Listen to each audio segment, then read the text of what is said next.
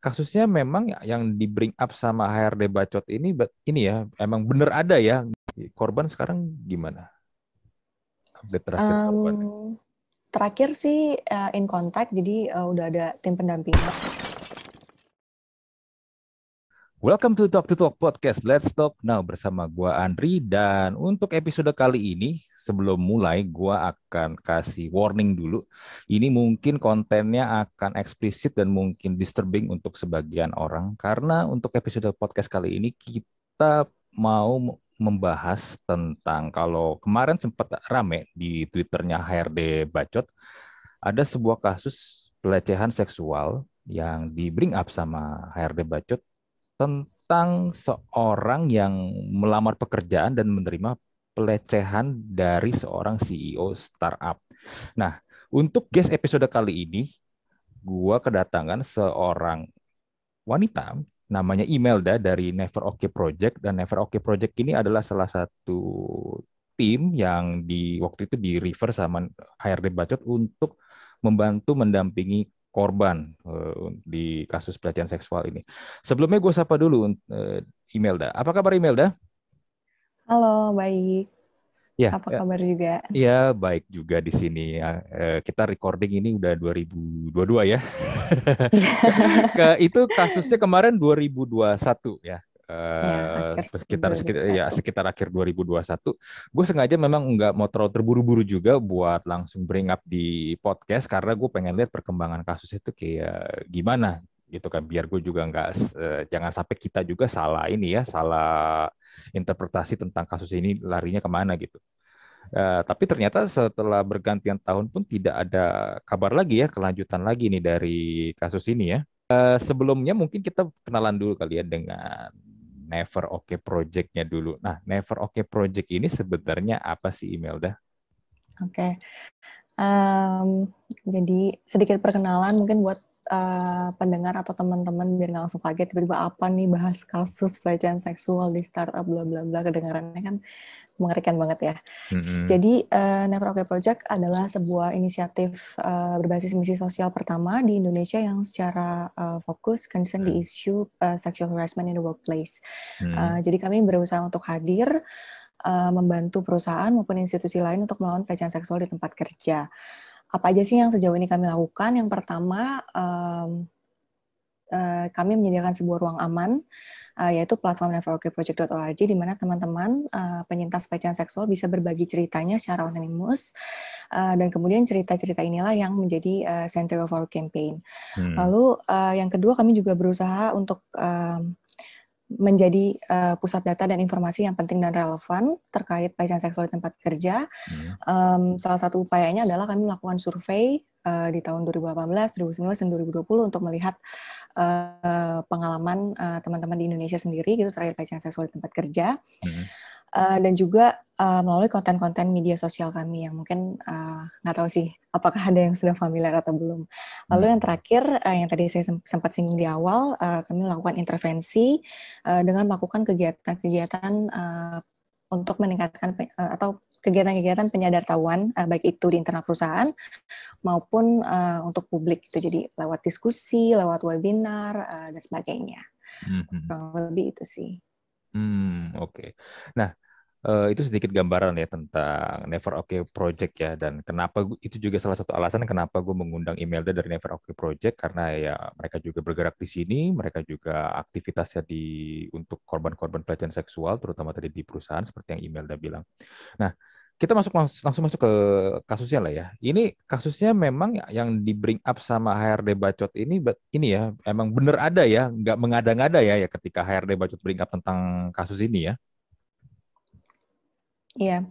Uh, nggak mengada-ada, kami juga in contact dengan uh, penyintasnya, hmm. uh, dan kemudian juga uh, kalau tidak salah uh, harga, dari akun HRD Bacot juga mereka sempat disclaimer kan kalau hmm. uh, ketika mereka menyampaikan utas itu udah atas persetujuan penyintas gitu jadi nggak main spill doang gitu. Hmm. Hmm. hmm.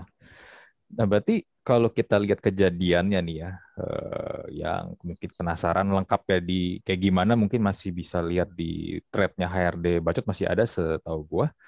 Uh, tapi secara ringkasnya gini, jadi ada seorang CEO, dia ini nge-DM seorang wanita ya.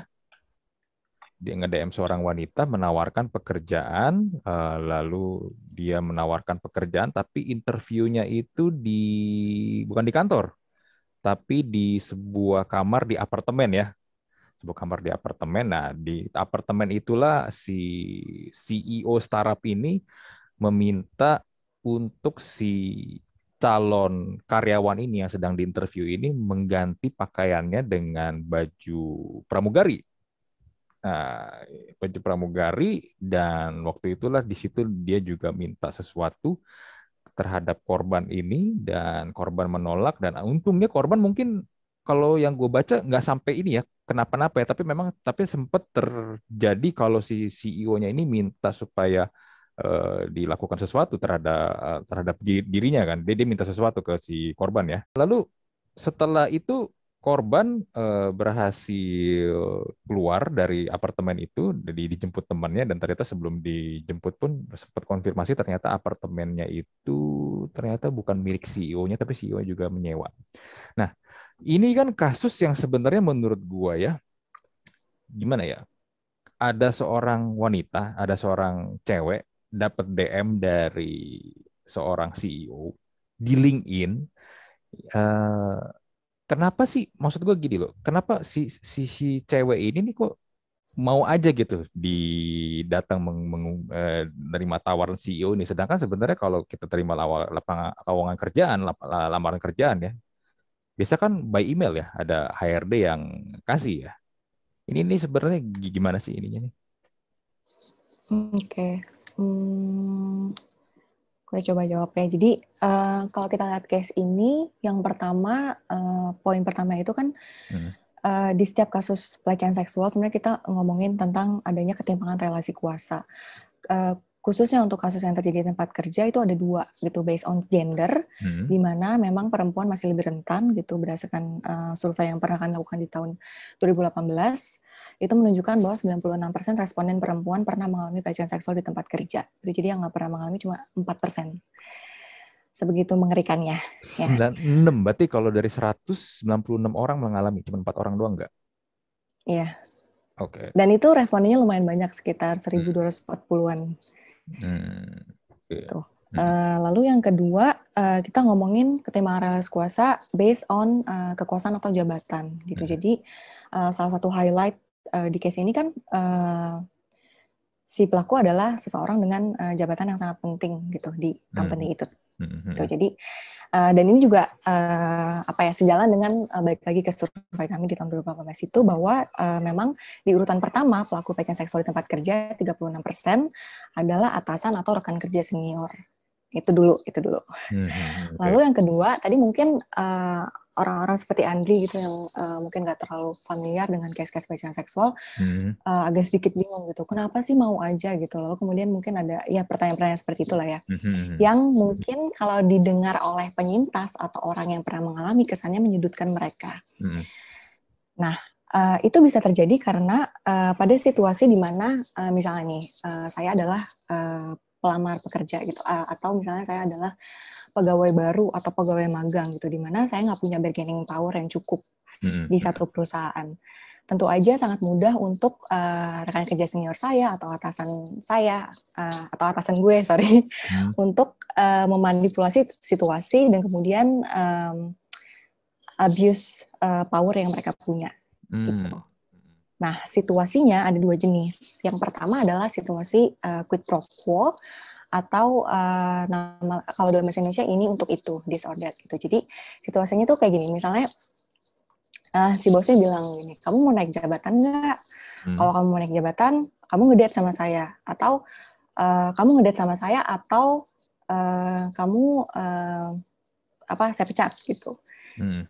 Jadi uh, dia meminta sesuatu dengan uh, memberikan ini ini imbalan yang terkait dengan karir hmm. Ancaman yang terkait dengan karir juga gitu. Hmm, hmm, hmm. Nah, situasi quid pro quo ini kadang kadang-kadang orang suka pikir kayak ya tapi kan dia setuju, dia kan bilang iya gitu, dia mau aja dong gitu. Padahal sebenarnya ini adalah salah satu bentuk manipulasi konsen gitu. Jadi uh, maaf ya ini agak sedikit ribet tapi uh, perlu disinggung. Hmm. Uh, kalau konsep konsen itu sendiri kan, uh, let's say ada dua orang nih, dia setuju untuk uh, melakukan hubungan seksual atau melakukan apa pun deh. Hmm. Uh, yang nggak seksual juga misalnya mau berjalan bareng atau ngedate doang gitu. Hmm. Itu kan uh, seharusnya dua-duanya sama-sama setuju dan persetujuan ini diberikan secara sukarela tanpa ada tekanan. Uh, lalu kemudian uh, salah satu pihak tuh bisa berhenti di tengah-tengah. Misalnya tiba-tiba lagi jalan, oh, udah deh, uh, gue nggak seneng nih, gue nggak nyaman, uh, gue mau pulang aja kayak gitu contohnya. Hmm. Nah, dalam situasi di mana ada orang yang jauh lebih berkuasa gitu, apalagi ini kan uh, kasusnya si uh, penyintas adalah um, dia posisinya lagi mencari pekerjaan kan. Hmm. Jadi uh, posisi uh, pelaku sangat, sangat jauh lebih berkuasa dari dia gitu. Hmm. Dia kemudian bisa memanipulasi konsen tersebut dan kemudian uh, meskipun uh, misalnya ada case di mana uh, penyintasnya bilang iya itu tuh nggak 100% uh, konsen gitu tuh nggak sah gitu karena uh, dia ya dipaksa gitu dia dibuat tekanan. Lalu yang kedua hmm. um, jenis kedua adalah uh, toxic environment. Gitu. Toxic environment itu uh, ya seperti uh, namanya ya cukup self explanatory gitu itu terjadi ketika uh, pelecehan seksual di lingkungan pekerjaan sudah dinormalisasikan gitu misalnya ada bos yang udah biasa tuh manggil um, bawahannya sayang kayak gitu gitu terus yang lain juga ya udah biarin aja dia ini kan si pak ini kita udah hmm, hmm, hmm. terima aja lah kayak gitu gitu itu kemudian bisa build up uh, semakin parah dan kemudian jadi toxic environment. Nah itu satu alasan. Hmm. Alasan kedua, um, jadi gini, selama Never Okay Project uh, berusaha untuk hadir, membahas gitu, um, meningkatkan ya awareness masyarakat umum gitu terkait pelecehan seksual di tempat kerja. Hmm. Uh, pada case-case yang terjadi di uh, istilahnya pegawai aja yang udah jelas-jelas dia ada statusnya, hmm. itu sering kali ada orang yang tetap uh, mempertanyakan loh, kayak bener nggak sih kejadian um, terus kayak uh, jangan-jangan elunya aja yang baper gitu jangan-jangan lu provokatif gitu uh, lu yang mancing-mancing bosnya gitu hmm. apalagi uh, ini case-nya itu dari, dari uh, perekrutan gitu jadi salah satu highlightnya adalah um, pelecehan seksual di dunia kerja itu bisa juga terjadi di proses perekrutan gitu bahkan hmm. dari hmm. sebelum uh, kita menjadi uh, pegawai resmi nih gitu hmm. nah uh, balik lagi pada posisi itu karena terjadi sangat early seseorang yang menjadi uh, penyintas itu sering kali malah jadi bingung kan dia mau lapor siapa dia mau lapor HR tapi uh, ya gimana ya uh, at the same time mungkin dia mempertanyakan gitu gue nggak punya hak sebagai pegawai di perusahaan ini gitu gimana gue mau lapor misalnya HR jadi ya gitu jadi mungkin ini juga dilihat sebagai celah yang uh, dimanfaatkan oleh uh, predator atau oknum-oknum yang hmm seperti itu gitu. Hmm. Oke. Okay. Uh, eh, gue coba ini ya dari sisi si CEO-nya ya. Maksud gue gini, lu kan CEO ya. Lu kan berarti punya duit dong.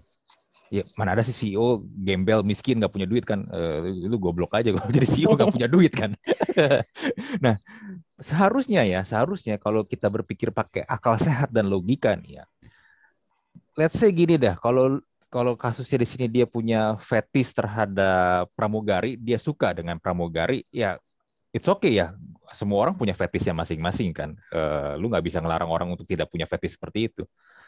Kan sebenarnya gini deh, misalnya dia naik pesawat gitu, ambil bisnis kelas kan dia punya chance ketemu dengan pramugari di situ kan. Uh, ya I don't know mungkin bisa kenalan atau gimana kan bisa ada kelanjutan kan. Sebenarnya lu bisa pakai jalur yang menurut gue jalur yang sesuai dengan norma-norma yang ada kan atau kalau enggak mungkin ya lu ya lu carilah nggak harus ke pesawat gitu atau mungkin ya menurut gue juga nih ya walaupun gue nggak terlalu walaupun sebenarnya juga nggak dibenarkan misalnya lu mencari di inilah di tempat-tempat let's say lokalisasi kan lu bisa kan ada tempat-tempat lokalisasi yang emang tematik yang menyediakan itu kan yang memprovide itu kan tanpa perlu lu melakukan pemaksaan kan. Nah cuman kenapa sih orang ini nih jadinya maksa kayak begitu kan? There's no excuse for hmm. anyone untuk forcing other people kan Nah, hmm. tadi lu juga udah bilang kan gitu. Jadi hmm. kalau tanya ke gue, gue nggak tahu jawabannya apa ya. Emang dia mungkin nggak tahu ya. Mungkin dia juga di luar dari fetish itu dia juga punya fetish uh, ya melakukan kekerasan basically karena ya pelecehan hmm. seksual itu kan ya kekerasan gitu. Hmm. Or is it just uh, dia hanya pengen showing his power doang gitu kayak tadi lu sempat mention? Ya bisa juga. Uh, ya nggak tahu gitu. Tapi yang jelas nggak ada excuse gitu untuk hmm. uh, siapa pun mau lu CEO, mau lu siapa pun lah, hmm. lu nggak bisa paksa orang untuk uh, melakukan sesuatu di luar kemauan orang itu kan sebenarnya. Hmm, hmm. Ya karena kalau misalnya kayak begini ya, aduh, gue gue tetap aja nggak nggak habis pikir gitu. Uh, lu punya kuasa, lu punya power di sini, lu juga secara sebenarnya kan kalau gue ngelihat ini ya, uh, secara pendidikan background dia segala macam, harusnya kan harusnya ya harusnya dia datang dari keluarga yang punya norma dan ini ya tata kerama dong, harusnya ya harusnya. Tapi di sini I don't know. Eh, dan kalau gue lihat beberapa replay-replay dari tweetnya HRD Bacot ini, ternyata ini bukan kejadian pertama karena juga ternyata ada beberapa orang yang nge-reply dan ternyata juga mengalami hal yang sama. Walaupun nggak sampai mungkin se ekstrim yang terjadi di korban ini ya.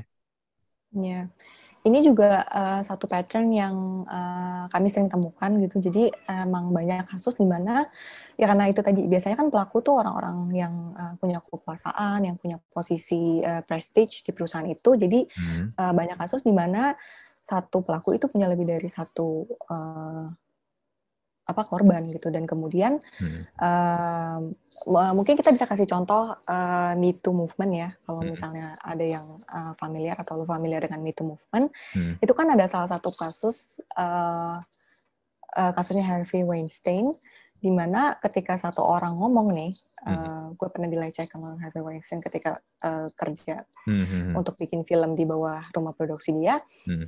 uh, penyintas lain juga akhirnya speak up gitu jadi ada banyak uh, ya maksudnya ini bukan pertama kali gitu kejadian di mana memang ketahuan gitu ada satu orang in power yang hmm. uh, sudah melakukan abuse berkali-kali dan lalu kemudian adanya satu suara itu uh, menginspirasi penyintas-penyintas lain untuk juga speak up gitu.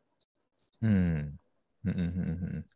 Tapi apakah dengan speak up speak up seperti ini bisa membuat si pelaku ini terjerat hukum gak sih? Hmm.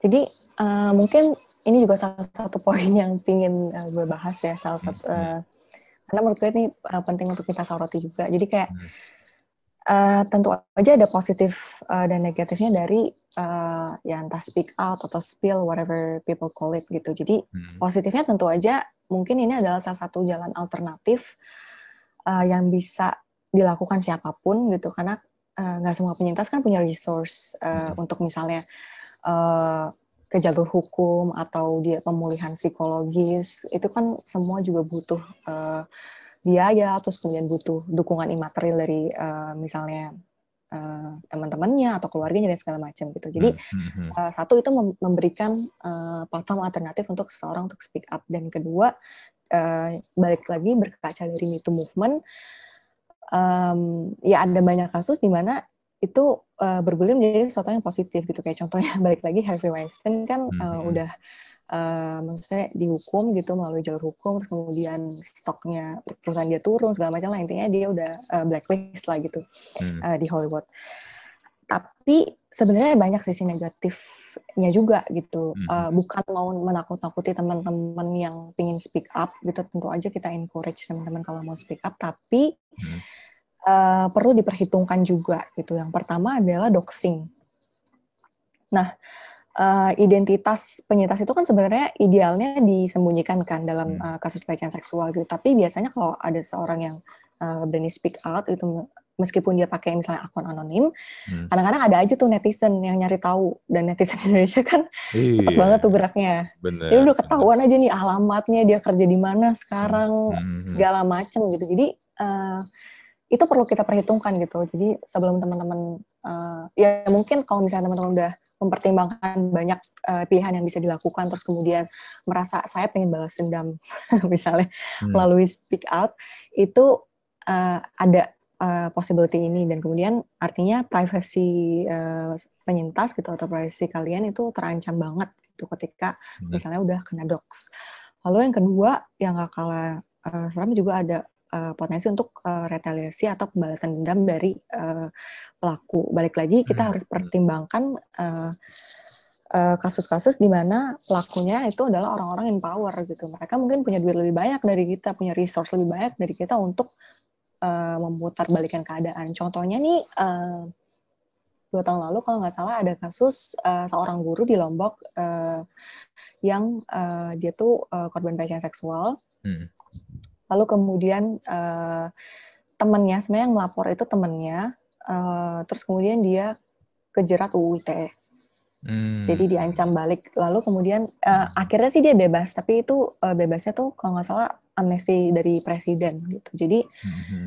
uh, itu bisa bergulir sampai seperti itu gitu. Hmm. Karena balik lagi kan orang-orang yang uh, punya resource dan punya power ini mungkin dia bisa melakukan hal yang uh, di luar kemampuan uh, kita.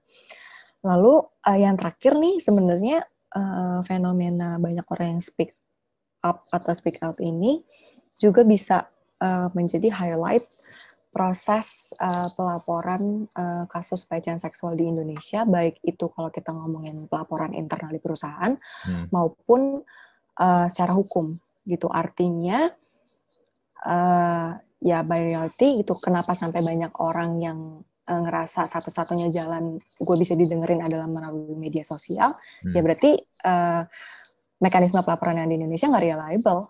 Hmm, hmm, hmm, hmm benar-benar gitu karena kalau misalnya uh, ya emang itu kenyataannya gitu di Indonesia kan kebanyak ya I don't know sih belum ada angka belum ada angkanya Never aku juga belum pernah secara khusus melakukan riset ini tapi hmm. uh, kami banyak bekerja dengan uh, perusahaan dan tidak jarang kami menemukan bahwa uh, perusahaan itu sama sekali nggak punya peraturan terkait pelecehan seksual di tempat kerja. Uh, sama sekali nggak punya mekanisme uh, pelaporan yang jelas gitu ada sih tren positif gitu di mana makin banyak perusahaan yang uh, gue pengen bikin gitu gue pengen ada mekanisme yang jelas supaya nanti kalau ada kejadian gini gini, hmm. tapi realitinya sekarang ya itu tadi gitu masih banyak orang yang ketika kejadian di dia aduh gue nggak tahu mau lapor ke siapa gue lapor ke HR aja takut takut disalahin dan banyak kejadian di mana dia lapor ke HR terus hmm. beneran disalahin itu di oke okay, kalau teman-teman ada yang mau uh, kepoin lebih uh, bacain cerita penjelasan tuh uh, banyak kejadian kayak gitu. Misalnya disalahin kamu sih pakai baju kayak gini. Kamu sih kayak gini gini kamu genit ya kayak gitu gitu. Jadi hmm. uh, ada positif ada negatifnya dari uh, tren ini. Maksudnya bukan buat nakut-nakutin gitu tapi uh, tentunya untuk teman-teman uh, penyintas kalau misalnya mau berbicara uh, perlu mempertimbangkan ini gitu. Mungkin bisa persiapkan diri dulu mungkin bisa healing dulu mungkin bisa uh, cari bantuan hukum dulu gitu sebelum akhirnya muncul ke publik gitu. Karena uh, bisa jadi banyak serangan-serangan balik gitu. hmm, hmm. karena gini gue kan pernah bahas juga ini kan di podcastnya sama Mbak Popi di Harjo ya. Karena memang kesulitannya adalah membuktikan kalau memang kita si korban terkena pelecehan seksual itu yang susah untuk dilakukan ya. Karena gue waktu itu juga ngomong sama dia ya cuman misalnya gini ada cewek diperkosa kan nggak mungkin kan dia ambil handphone dulu dia dia rekam sebagai bukti kalau dia lagi sedang diperkosa atau sedang dilecehkan kan. Ya siapa gitu yang yang mau melakukan itu? Andai kan misalnya ada yang melakukan itu pun dikasih rekamannya pun nanti ya nanti takutnya adalah bukannya jadi alat bukti malah dikenain undang-undang pornografi lagi karena kita merekam suatu aktivitas seksual dan itu dipublikasikan. Ya itu kan jadi juga backfire ke si korban ya. Dan ya susah juga sih ya itu. Kemarin yang RUU PKS sampai sekarang pun juga masih belum disah-sahkan juga. Ya. ulur terus kan soal. Hmm. jadinya ya korban eh, yang gue lihat adalah kalau terjadi hal-hal seperti ini ya ya bener kata Imelda tadi, bingung mesti gimana. Dan menurut gue orang-orang yang berani speak up seperti ini, gue sih, gue akuin sih keberaniannya sih. Karena nggak gampang untuk ngomong kayak yeah. gini. Ini suatu hal yang butuh sebuah keberanian yang luar biasa banget dan menurut gue justru kita kita ini yang harusnya lebih membela atau melindungi korban terlebih dahulu ya terlepas nanti apakah setelah pembuktian di pengadilan uh, ujungnya kayak gimana kalau menurutku gitu sih hmm. iya karena memang uh, ada satu prinsip uh, yang sedikit berbeda dengan kasus kekerasan seksual dengan kasus uh, apa criminal cases lainnya gitu hmm. di mana kalau dalam uh, case kekerasan seksual seharusnya uh, proven um, innocent eh innocent until proven guilty. Hmm. Pada kasus kekerasan seksual harusnya sebaliknya, guilty until proven innocent. Hmm. Hmm. Jadi asasnya Tapi asas praduga ya, bersalah, bukan pra, bukan praduga tak bersalah ya. ya, mm-mm. karena eh, pada kenyataannya Hmm. eh, banyak yang suka me- apa ya mengumpamakan kasus kekerasan seksual itu kayak eh, iceberg. Jadi apa yang kelihatan di permukaan, terus kayak jumlah kasus yang ada kan kayak Komnas Perempuan tiap tahun eh, eh, bikin laporan tuh eh, Hmm. ada sekian banyak laporan, tapi sebenarnya itu tuh nggak merepresentasikan seberapa parah keadaan eh, Hmm. yang sesungguhnya Hmm. gitu karena yang kita lihat tuh cuma the tip of the iceberg aja gitu karena banyak banget penyintas yang ya ti- akhirnya mungkin nggak sama sekali nggak kepikiran untuk speak speak up gitu gitu karena eh, konsiderasinya banyak Hmm. Hmm. terutama kalau di tempat kerja gitu misalnya nih contohnya dia mau daripada dia melapor gitu mungkin dia bisa eh, dia malah cari alternatif lain gitu dia Hmm. cari kerjaan lain atau gimana gitu karena dia Hmm. takut misalnya kalau di PHK atau gimana nanti eh, dia di blacklist atau gimana gitu kan karena ini kan menyangkut eh, mata pencarian seseorang juga Hmm. Benar, benar, benar. Eh, korban sekarang gimana? Update terakhir korban. Terakhir sih eh, in contact jadi eh, udah ada tim pendampingan eh, Hmm. terus kemudian salah satu anggota Never Okay Project ikut di dalamnya Hmm. Dan kemudian terakhir kami bantu untuk memberikan kami refer refer untuk mendapatkan dukungan psikologis gitu karena itu salah satu yang paling penting juga. Hmm. eh ya FYI aja ya untuk eh, teman-teman di luar sana. Kalau misalnya mungkin dicurhatin temennya ada yang pernah ngalamin atau sedang ngalamin eh, pelecehan seksual baik itu di tempat kerjanya atau di mana pun salah satu Hmm. hal yang paling perlu kita perhatikan adalah kondisi psikologisnya dia gitu. Karena kan Hmm. eh, satu kejadian aja itu bisa eh, berdampak ke trauma yang mendalam eh, bahkan bisa traumanya bertahun-tahun gitu. Bahkan eh, mungkin seseorang nggak bisa 100% pulih gitu. Jadi eh, hal pertama yang perlu kita perhatikan tuh sebenarnya bukan ayo kita rame-rame spill pelakunya siapa kita Hmm, cari ini, hmm, ini. tapi sebenarnya yang pertama kita harus lakukan tuh berikan dukungan gitu ke eh, penyintasnya gitu eh, kalau misalnya memang kita ada di posisi di mana kita dipercayakan gitu misalnya diceritain eh, untuk eh, atau penyintas mencari dukungan dari kita ya kita harus be there for them gitu. Hmm. Hmm. Ini menarik sih karena hal seperti ini, ini memang nggak pernah nggak pernah malah ya lebih tepatnya nggak pernah di ini ya kita dapetin entah itu di sekolah atau di keluarga. Karena ketika ada terjadi hal seperti ini cenderungannya adalah kita bingung sebenarnya mau ngapain kan. Karena kita tidak pernah expect hal itu terjadi di diri kita atau di orang-orang terdekat kita kan. Makanya ketika ini terjadi kita bingung harus ngapain. Dan ya salah satu mungkin ini gue, juga mungkin akan bisa menjadi eh, terjadi di gue juga gitu. Gue mungkin salah satu yang hal yang akan gue respon pertama kali adalah kok bisa terjadi? Kenapa? Bagaimana? Yang mungkin kalau gue pikir-pikir lagi itu justru membuat korban menjadi tidak nyaman ya. Mhm. Iya, Eh, kayak sebenarnya salah satu eh, ya salah satu bentuk campaign yang dilakukan Never Oke juga setiap kali kita ada kesempatan untuk diskusi bareng Hmm, eh, baik itu eh, perusahaan atau kayak diskusi publik itu kita berusaha buat ngajak eh, orang-orang untuk menganggap isu pelecehan seksual di tempat kerja itu bukan sesuatu hal yang tabu untuk dibicarakan. Hmm, gitu karena kita masih berangkat dari sini nih. Kalau kita nggak pernah ngomongin ini ya Hmm. samanya kita nggak tahu how to act gitu how to react gitu. Hmm, nah yang kedua kita berusaha buat ingetin eh, untuk teman-teman eh, di mana pun tempat kalian bekerja gitu kalau bisa em, ketika kita bekerja nih kita cari tahu dulu sebenarnya perusahaan kita atau institusi tempat kita bekerja itu punya peraturan khusus nggak sih terkait pelecehan seksual di tempat kerja Terus kalau misalnya kejadian, saya harus lapor ke mana? Sebelum ada kasus, eh, baik itu terjadi ke diri dia atau misalnya ke rekan kerja atau temennya. Karena eh, ya itu penting gitu, penting untuk pertama-tama kita proaktif dulu gitu. Hmm. Lalu yang kedua, salah satu yang berusaha kami kampanyekan juga untuk eh, semua orang tuh em, gimana ya? Berusaha untuk mengambil peranan eh, aktif gitu. Jadi pada kasus pelecehan seksual terutama di tempat kerja ada satu peranan yang penting banget sebenarnya yaitu bystander yaitu saksi hmm. di mana sebenarnya uh, change seseorang untuk menjadi saksi itu jauh lebih besar kan daripada change seseorang untuk menjadi uh, korban hmm. nah kalau kebanyakan orang udah punya pemahaman kalau gue di posisi saksi gue akan ngebelain korban hmm. itu nggak akan ada tuh namanya toxic working environment karena kalau misalnya ada yang ngasih jokes, misalnya ada ngasih jokes uh, seksis nih ke salah hmm. satu teman, terus hmm. ada misalnya ada lu nih di ruangan itu suruh tahu nih ini nggak beres nih udah masuk pelecehan, lu bisa bisa hmm. ngomong gitu, lu bisa kasih intervensi sebagai saksi, sebagai active bystander. Jadi hmm. gitu sebenarnya. Hmm. Hmm. Hmm. Hmm, ideally sih seperti itu ya. Tapi kalau hmm. ngelihat kenyataannya, contoh paling gampang lah kasus yang di KPI ya. Sampai sekarang kan masih belum beres ya. Iya.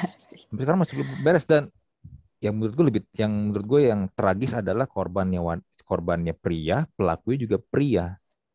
Hmm. Uh, that's shit, man. Kalau ngelihat kasus itu dan sampai sekarang masih belum kelar juga dan ya tarik ulur tarik ulur jadinya. Hmm. Hmm. Jadi ini juga sesuatu yang mungkin uh, lumayan tabu ya untuk uh, diomongin, terutama Hmm. among the boys gitu, among uh, kerja laki-laki gitu kan, hmm. mungkin gengsi atau gimana gitu ya. Hmm.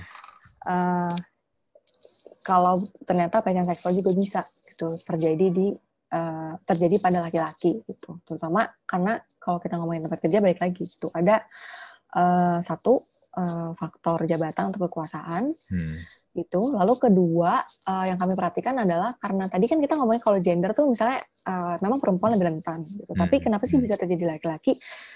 Uh, sering kali ini terjadi di laki-laki yang menurut masyarakat atau menurut lingkungannya dianggap not masculine enough. Hmm. Gitu. Oh. Okay. Jadi hmm. uh, tidak semua kasus seperti itu tentu aja gitu karena hmm. uh, ya ada kasus di mana yang kayak gitu juga tapi uh, banyak uh, kejadian seperti itu gitu. Hmm, hmm, hmm, hmm. Ya intinya adalah posisi yang paling lemah lah ya yang biasa akan jadi mm korban lah ya. Mm. Iya sih, biasa sih yang paling culun atau yang cupu yang biasa kena ini nih kena bully biasanya kalau di kantor-kantor kan kalau kayak gitu. Ya kantor, sekolah atau di tempat kuliah kebanyakan kan kayak gitu. nah, teman eh balik lagi ke si korban. Berarti si korban sekarang ini statusnya uh, sedang pemulihan dan apakah dia ada niat untuk uh, lapor ke polisi membawa ini ke jalur hukum kah atau gimana?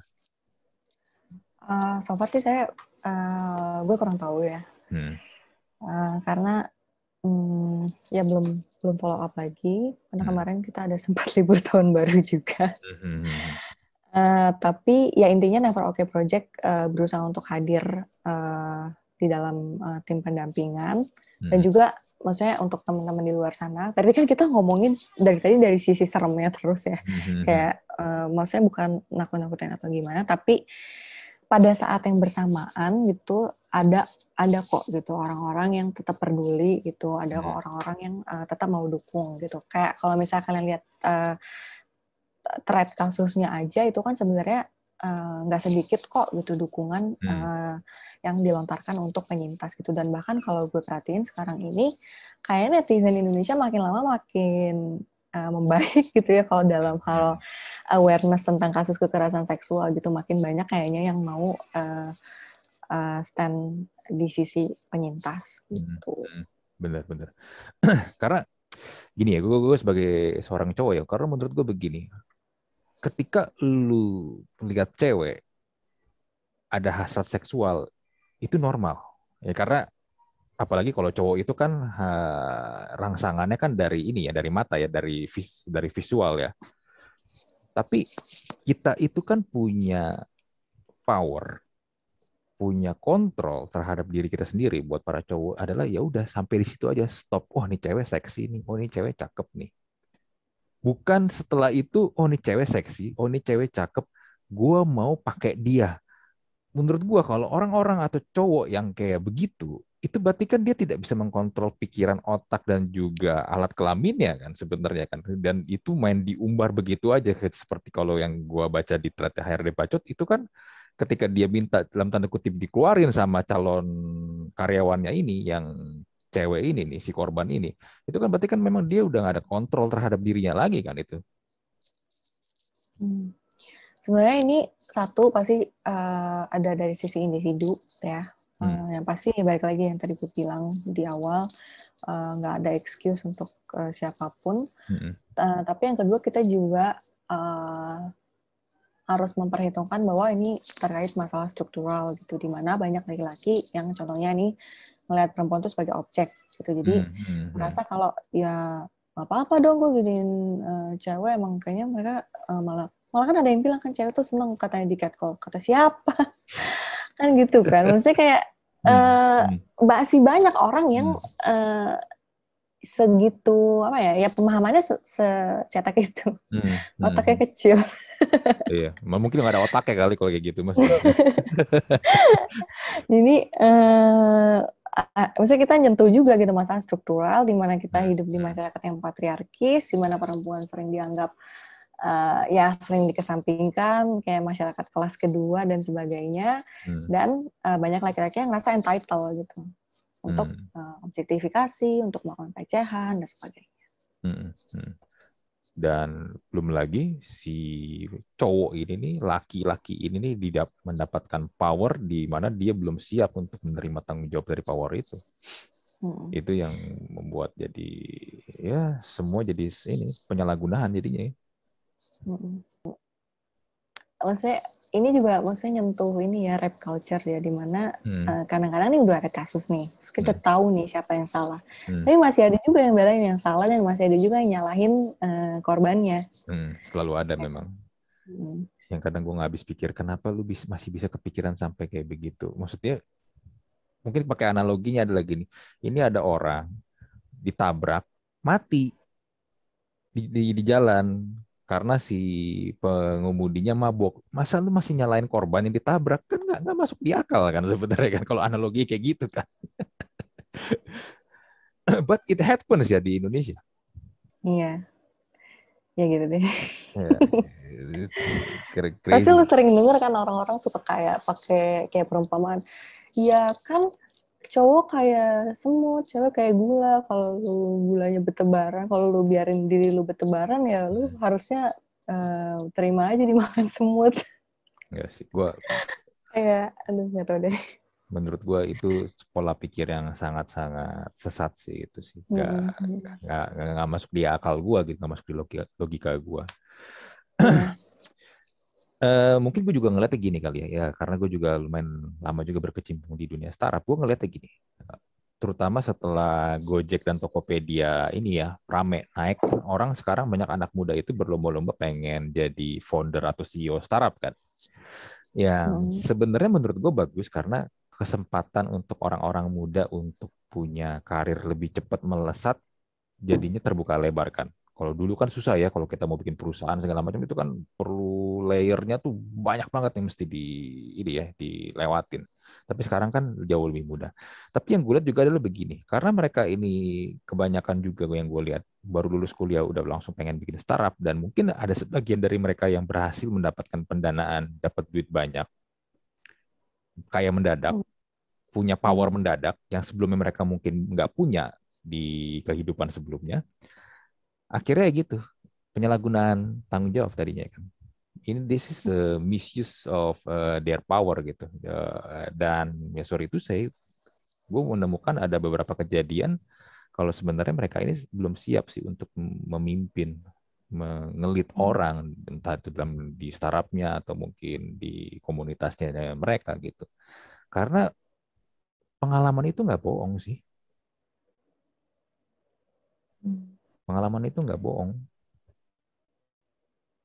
Gue nggak uh, nggak nggak gimana ya? Gue nggak mau komentar di sisi itu karena nanti uh, takut seperti kayak ageism gitu ya. Karena kan uh, sebenarnya ada juga gitu anak-anak muda yang capable. Menurut gue sih itu balik lagi ke orangnya sih. Maksudnya kalau lu datang dari misalnya lingkungan yang emang toxic gitu, lingkungan yang hmm. patriarkis hmm. banget, hmm. dan lu tuh udah kepen, uh, maksudnya cara pemikiran lu uh, dari dulu seperti itu, misalnya lu toxic masculinity dan sebagainya, hmm.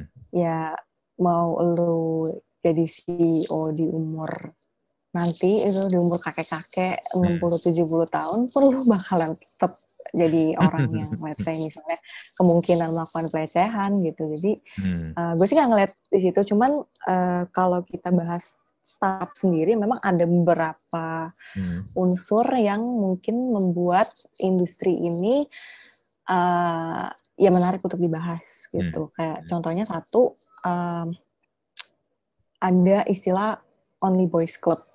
Hmm, hmm, uh, di lingkungan startup terutama uh, ya startup ya kemungkinan besar uh, terkait teknologi kan ya. Hmm. gitu. Jadi um, Only Boys Club ini sebenarnya awalnya kan di Silicon Valley kan hmm. gitu. Di mana uh, ya taulah gitu banyak uh, founder banyak uh, ya orang-orang IT yang memang didominasi uh, oleh laki-laki. Dan kemudian ketika ada talent cewek yang masuk ketika ada founder cewek yang masuk dianggap uh, nggak secapable itu terus kemudian susah untuk uh, nge-break the boundariesnya dan segala macam gitu kemudian mm-hmm.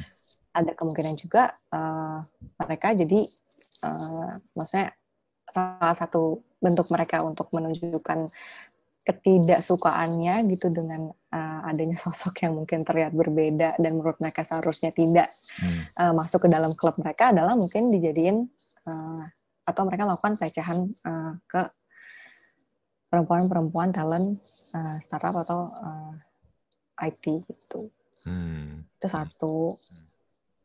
Terus kemudian uh, kedua uh, startup ini kan sebenarnya uh, menurut gue sih sebenarnya bagus sih gitu di mana uh, um, situasi atau um, ya situasi di perusahaan itu biasa nggak serigid itu ya kan kayak yang lo bilang tadi gitu. Misalnya anak muda bisa lebih melejit dengan cepat karirnya segala macam.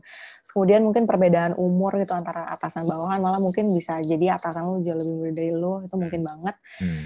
uh, dan kemudian membuat relasi uh, antar rekan kerja atau relasi interpersonal itu jadi sangat berbeda dari misalnya kita ngomongin perusahaan yang kayak uh, jadul punya gitu yang uh, ketat rigid uh, banget gitu. Jadi hmm uh, sayangnya uh, kita perlu hati-hati juga nih dengan uh, perubahan ini itu jangan sampai karena uh, udah misalnya uh, lo merasa dekat gitu dengan atasan atau merasa dekat dengan bawahan atau dengan hmm. sama kolega lo merasa itu uh, apa ya menjadi salah satu celah gitu. Jadi kayak jangan sampai ada gray area itu salah satu yang berusaha kami tekankan gitu. Maksudnya hmm. uh, memang ada kemungkinan gitu di mana uh, antara kolega uh, punya hubungan yang lebih gitu dari uh, hubungan profesional gitu. Tapi hmm. make sure kalau itu dua-duanya atas dasar suka sama suka gitu. Dan hmm. kalau misalnya uh, ada unsur uh, misalnya ada unsur relasi kuasa di mana salah satunya atasan itu benar mesti benar-benar di make sure banget gitu bahkan kan ada banyak perusahaan yang jatuh uh, akhirnya uh, bikin peraturan di mana eh, nggak uh, boleh kan nggak hmm. boleh hmm. dating uh, hmm. karena menghindari hal gitu menghindari kayak misalnya ayo udah gue bilang iya aja deh uh, ngedate sama uh, si ini gitu biar gue cepat naik jabatan atau gimana atau atau karena gue takut sudah diancam kan hmm. yang kayak gitu gitu sebenarnya kan uh, ngeri juga hmm jadi konflik of interest jadi kalau udah kayak gitu kan. Iya. Uh. Hmm. Iya sih. hmm, menarik. Nah, tadi kan lu sempet bilang lu ada beberapa data yang lu mau coba share ya ke yang nonton atau dengerin podcast episode kali ini. Mungkin lu boleh bagikan sedikit. Oke, um, tadi sih sebenarnya udah sempat um, gue udah sempat share sedikit tentang um, ini ya kayak uh, siapa sih mayoritas pelakunya atau uh, perempuan sama laki-laki siapa sih yang lebih rentan segala macamnya. Hmm. Uh, terus ini ada sedikit uh, apa sih bentuk yang paling sering terjadi? Uh, nomor satu itu pelecehan lisan gitu, kayak yang uh, kalau teman-teman bisa lihat. Hmm. Uh, persentasenya 89,84 persen gitu. Nah ini salah satu bentuk pelecehan yang uh, kalau kita bilangnya udah dinormalisasiin. Gitu. Jadi buat banyak hmm. orang ya udahlah gitu, udah udah kebiasaan banget sampai udah nggak ada lagi yang mau lakukan uh, intervensi. Contohnya seperti itu. Gitu. Padahal uh, kasus-kasus pelecehan seksual itu biasanya build up gitu. Jadi dari yang um, misalnya dianggap orang ayo ah, udah biasa aja gitu bisa uh, misalnya kayak misalnya nih uh, si pelaku nih lihat nih ah gue uh, lakuin ini nggak apa-apa. Dia bisa lakuin lagi lakuin lagi bila-bila terus kemudian ke uh, yang lebih mengerikan gitu kan misalnya pelecehan fisik. Hmm. terus bisa sampai ke pemerkosaan gitu. Jadi sebenarnya baiknya adalah kita melakukan intervensi sedini mungkin gitu. Jadi kalau misalnya ada yang biasa misalnya ngejokes yang bersifat pornografi terus uh, misalnya bercandain uh, bentuk tubuh atau um, organ intim kolega gitu. Hmm. Itu kalau bisa kita stop di situ, jangan sampai ntar uh, move ke yang lain gitu, move ke pelecehan fisik, move ke pegang-pegang dan sebagainya. Hmm. Gitu. Hmm. hmm, hmm. Itu uh, terus lisan 89,84 persen ya, berarti ini yang paling banyak terjadi ya di tempat kerja. Iya.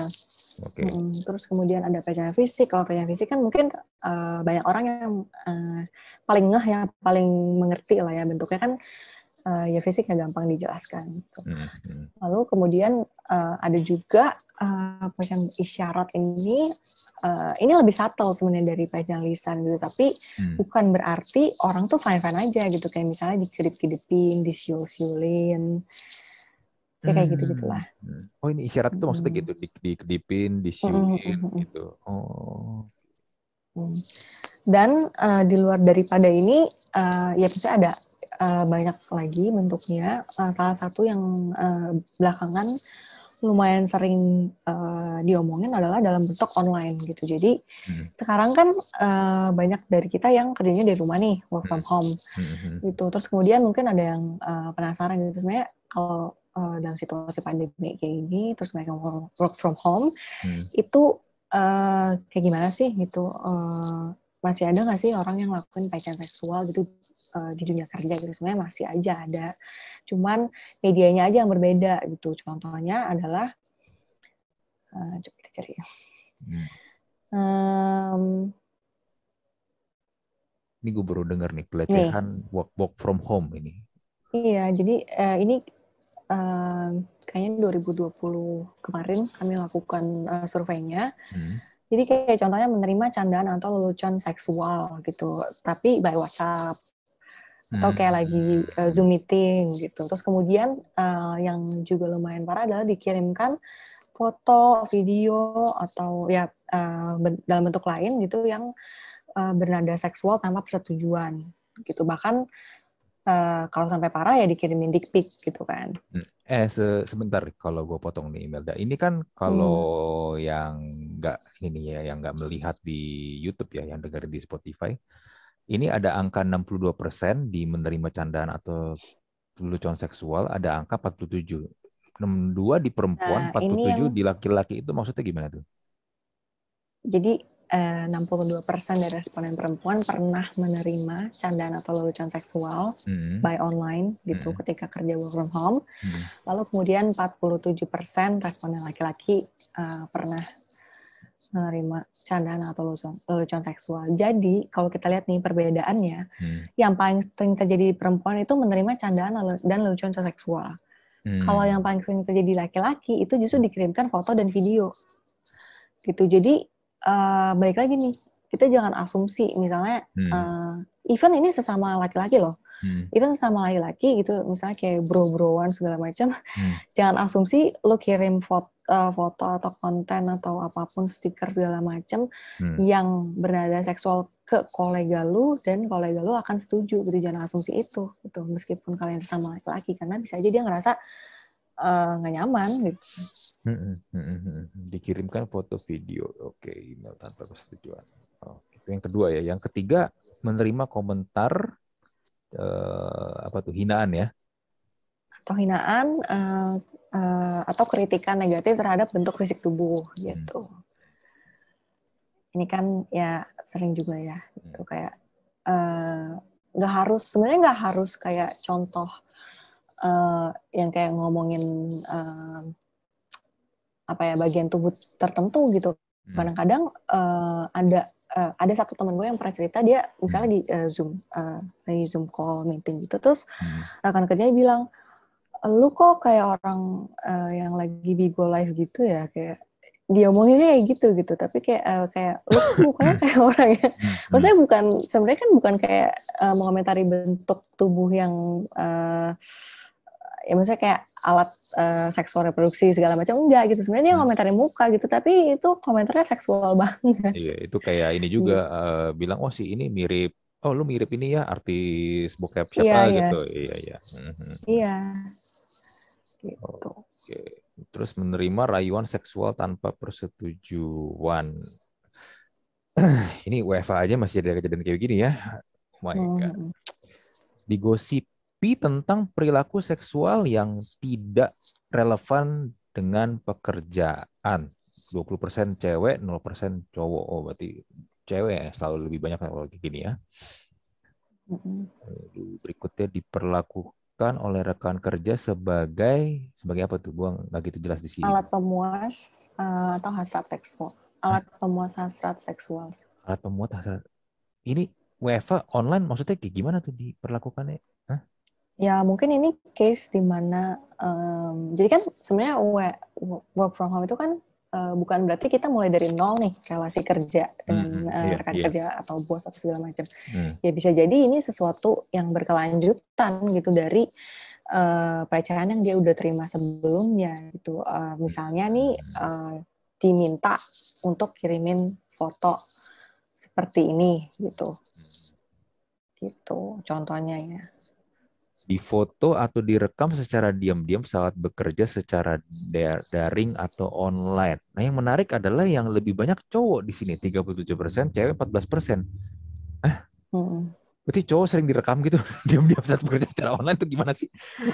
nah, ini tuh sebenarnya salah satu yang lumayan ngeri sih sebenarnya. Huh? Uh, jadi gini nih. Uh, kalau di Indonesia kan banyak orang yang uh, ngerasa kayak ah gue nggak apa-apa gitu kalau gue misalnya di, di ruang publik nih hmm. gue foto orang video orang misalnya ada satu kejadian lucu gue jadiin konten gitu banyak hmm. orang ngerasa itu nggak apa-apa kan gitu padahal yeah, iya. sebenarnya kalau lo mau mau foto orang atau videoin orang itu lo harus uh, minta persetujuan dia kan gitu bahkan uh, let's say ada konten creator nih hmm. kalau konten creator yang udah ngerti biasanya dia kalau misalnya di publik kan dia blurin kan hmm. uh, orang-orang yang ada di uh, yang apa tidak sengaja uh, masuk frame gitu. Jadi hmm. ini nih uh, kalau menurut gue juga kepanjangan dari itu gitu. Di mana rasa ah nggak ketahuan ini ya udah gue screen capture atau gue rekam. Hmm, hmm. iya bener. Ini ini gue juga agak bukan agak sih. Gue nggak suka sama sekali dengan attitude kayak gini sih memang sih. Karena kita mentang-mentang handphone kita ada kamera atau video apa-apa direkam apa-apa difoto apa-apa direkam apa di foto gue gue juga nggak setuju sih sama kayak begini-begini sih. Karena kalau lu keluar negeri ya gue waktu itu ke mana waktu itu di Korea ya lu lagi di jalan raya nih kan banyak orang kan. Lu ketika lu angkat handphone angkat kamera lu videoin atau lu mengkamera foto orang dan ada orang yang asing gitu yang lu nggak kenal dan mereka merasa kayaknya terganggu dan ke foto, lu bisa diomelin loh, serius. Iya. iya. Kalau di sini kan ya udah bodo amat kan masuk masuk frame masuk videonya orang tersebut kan kita cuek-cuek aja ya. Kalau di sana emang nggak boleh. Lu bisa diomelin sama mereka karena mereka nggak suka. Oke. Tapi sebenarnya uh, kalau dari lihat dari survei ini sebenarnya banyak yang nggak suka. Hmm. Cuman uh, belum diterima secara umum aja gitu. Hmm, Masih hmm. lebih banyak orang yang merasa ah nggak apa-apa gitu. Hmm. Iya iya iya. Lalu diintimidasi atau mendapatkan ancaman agar terlibat dalam aktivitas sosial, lalu disebar, ya, lalu disebarnya foto atau video diri dengan nuansa seksual tanpa persetujuan. Hmm. Oke, ini WFA ya di rumah loh, iya. masih bisa kejadian kayak begini ya. Hmm. Oh, gila sih, nggak ada kontak fisik aja masih bisa kayak gini ya. Hmm, ada lagi mungkin yang lain yang mau di share? Hmm, mungkin uh, terakhir ya untuk uh, supaya uh, pendengar atau yang nonton itu hmm. semakin apa ya? makin punya empati gitu terhadap um, sorry, gue cari dulu uh, terhadap uh, penyintas. Hmm. Mana ya? Ini kalau ngelihat slide-nya sebenarnya banyak sih nih. Uh, banyak sih, cuman ini bisa berjam-jam kalau iya, kita bahas data-data data-data menarik. Mengapa tidak melapor ke uh -uh. HRD atau manajemen? Iya. uh, aduh, gimana ya? Mungkin ada di sini ya. Sebenarnya yang pengen gue tunjukin itu dampaknya hmm. ke korban gitu. Oh ini ada nih, ini nih nih. Hmm. Nih dampak yang dirasakan korban uh, pelecehan seksual. 60% merasa marah, bisa tidak nyaman, hmm. 33% malu dan menjadi tidak percaya diri. Ini hmm. mungkin banget gitu. Kenapa sih? Mungkin ada yang nanya gitu, kenapa lu yang malu, kenapa lu yang gak percaya diri, kan lu korban gitu. Hmm. Tapi melihat situasi di mana kadang-kadang uh, justru uh, penyintasnya yang dipojokkan gitu orang yang jelas-jelas harusnya dibela malah disalahin hmm. itu kadang-kadang bikin orang jadi mempertanyakan itu jangan-jangan gue emang gue yang salah gitu jangan-jangan emang uh, gue uh, kurang tepat menempatkan diri dan sebagainya gitu hmm.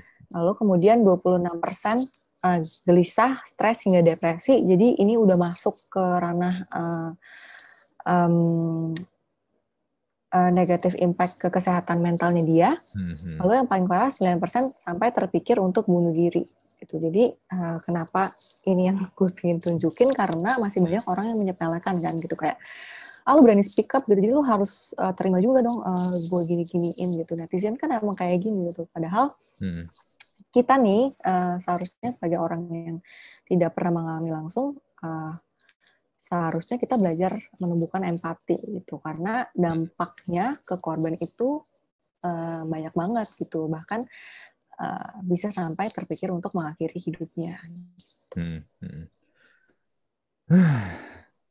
Jujur ya, gue kalau bahas beginian nih, gue juga berapa pernah berapa kali kan bahas tentang ini kan, dan juga kemarin update yang untuk di undang-undang yang di kampus tuh tentang kekerasan seksual sama Mbak Popi ya Uh, gue sih, aduh, gue sih jujur ya, gue hanya bisa menghela napas sih ngelihat fakta-fakta yang ada di lapangan. Dan jujur sih gue juga salut sama kalian nih yang berjuang secara khusus ya untuk menangani ini. Karena gue yang ngelihat beginian aja nih ya, ya gue dengar cerita dari Imelda atau mungkin dari Mbak Popi atau siapa pun yang aktifnya aktif ini ya untuk melindungi para korban ya, mendampingi juga para korban. Ini melelahkan banget loh ngeliat sih sebenarnya melelahkan dan gue aja bisa stres sendiri kalau misalnya gue terjun langsung nggak mungkin kalau di sini sih. Hmm. Ini aja kita bukan yang ngalami langsung ya. Hmm, kita bukan ngalamin langsung. Baru lihat angka aja orang bisa ngedrop gitu. Hmm. Gila sih. Ya tapi uh, at the same time uh, never okay project kalau appreciate gitu. Kalau misalnya ada uh, ya siapa pun itu teman-teman yang kasih kesempatan untuk kita bisa uh, sedikit menerangkan situasi uh, yang ada gitu karena hmm.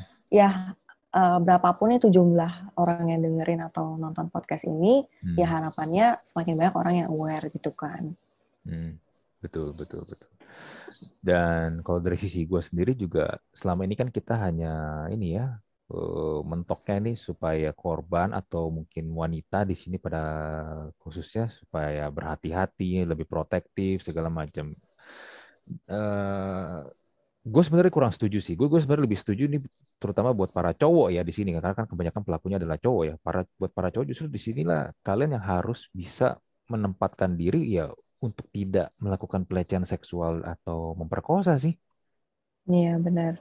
Udah itu. Ini malah sempat juga ya di Twitter. Iya, sebenarnya itu kan.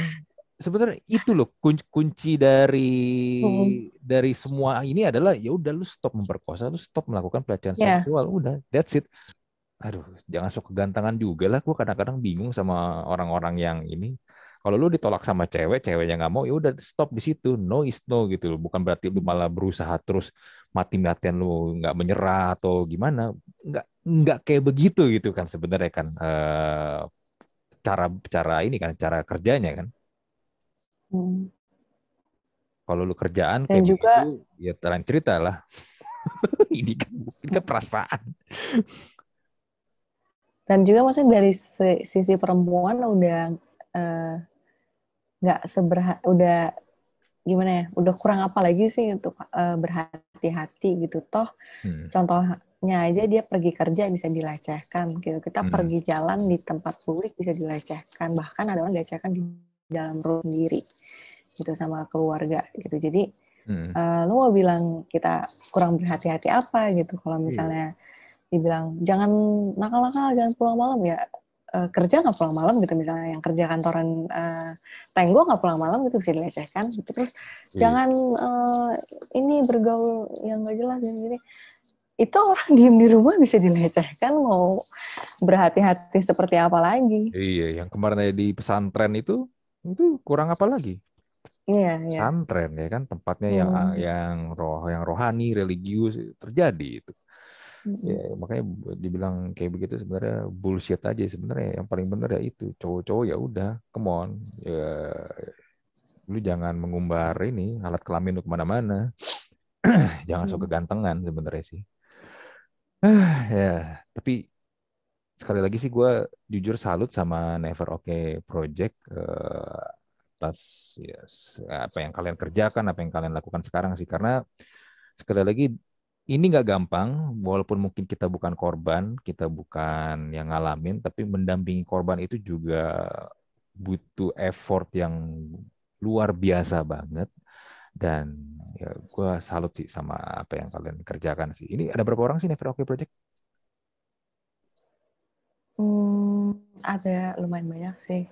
Uh, jadi uh, pasti ada core terus kemudian kita juga kan uh, kerjanya uh, voluntary base ya jadi uh, anak-anak nefroki itu sebenarnya punya uh, kerjaan utama gitu uh, jadi uh, secara berkala kita buka uh, relawan gitu hmm. mungkin kalau sekarang sih uh, beberapa belas ya belasan lah gitu hmm. under 20 lah uh. hmm. Nah, apalagi tadi uh, gue dengar ini volunteering ya, berarti sukarela -hmm. kan, nggak nggak dibayar loh. Yeah kalian mau hmm. ngerjain ini ini ini harus disupport banget ini jangan sampai berhenti stop di sini gitu ya tapi anyway uh, berarti kalian tetap ini ya fokus untuk pendampingan dan ini ya untuk edukasi juga lah ya salah satu yang penting juga ya hmm. di ini di 2022 ini mungkin ada planning lain nggak atau gimana?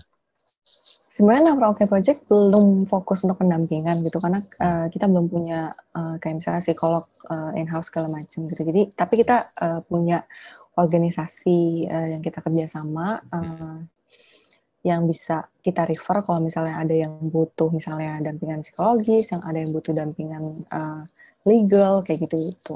Hmm. Tentunya ya tahun ini uh, harapannya sih ya bisa terus uh, berjalan uh, bergerak bersama teman-teman lain yang juga peduli terhadap kasus-kasus seperti ini hmm. uh, bisa ada untuk penyintas di luar sana um, ya itu sih belum tahu sih secara konkret kita lihat situasi ya masih hmm. ya semoga pandemi udah kelar sih hmm. oke okay, gini soalnya uh, mau ngapa-ngapain juga susah iya bener uh, kalau misalnya nih ada korban atau penyintas yang pengen cerita atau mungkin butuh pendampingan, ya, kalau misalnya mau kontak ke Never Okay Project lewat mana? Instagram atau gimana? Uh, jadi uh, teman-teman tuh bisa uh, berbagi ceritanya kalau mau ya bisa bagikan ceritanya di neverokeproject.org. Hmm. Uh, biasanya uh, nanti setelah teman-teman bagikan ceritanya, uh, ceritanya kami post secara anonimus, tapi di saat yang bersamaan kami juga kontak teman-teman dan tanya hmm. gitu apakah butuh uh, dampingan psikologis ataupun uh, dampingan legal gitu. Hmm. Hmm. hmm, hmm. Oke. Okay nanti websitenya gue cantumin juga di ini ya kolom description hmm. supaya nanti kalau mungkin mungkin ya tapi gue harap sih nggak ada sih eh, yang mungkin butuh bantuan atau butuh pertolongan eh, bisa kontak langsung di website Never Okay Project nanti akan ada tim mereka yang reach out untuk yang membutuhkan ya. Oke deh, uh, gue rasa sih cukup ya kita ngobrol-ngobrol ya, karena kalau nanti diterusin lagi, jujur gue sendiri sebenarnya ya sebagai hosting gue juga stres sebenarnya.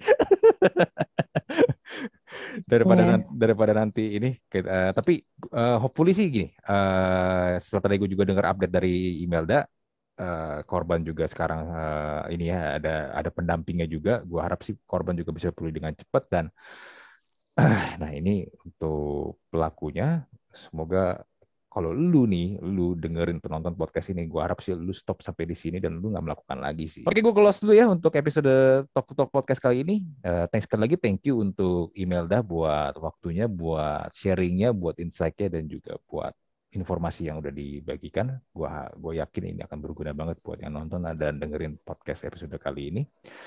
Dan gue close untuk Talk to Talk podcast episode kali ini. Gue Andri dan Imelda dari Never Okay Project. Mohon pamit kita jumpa lagi di Talk to Talk podcast episode berikutnya. Bye.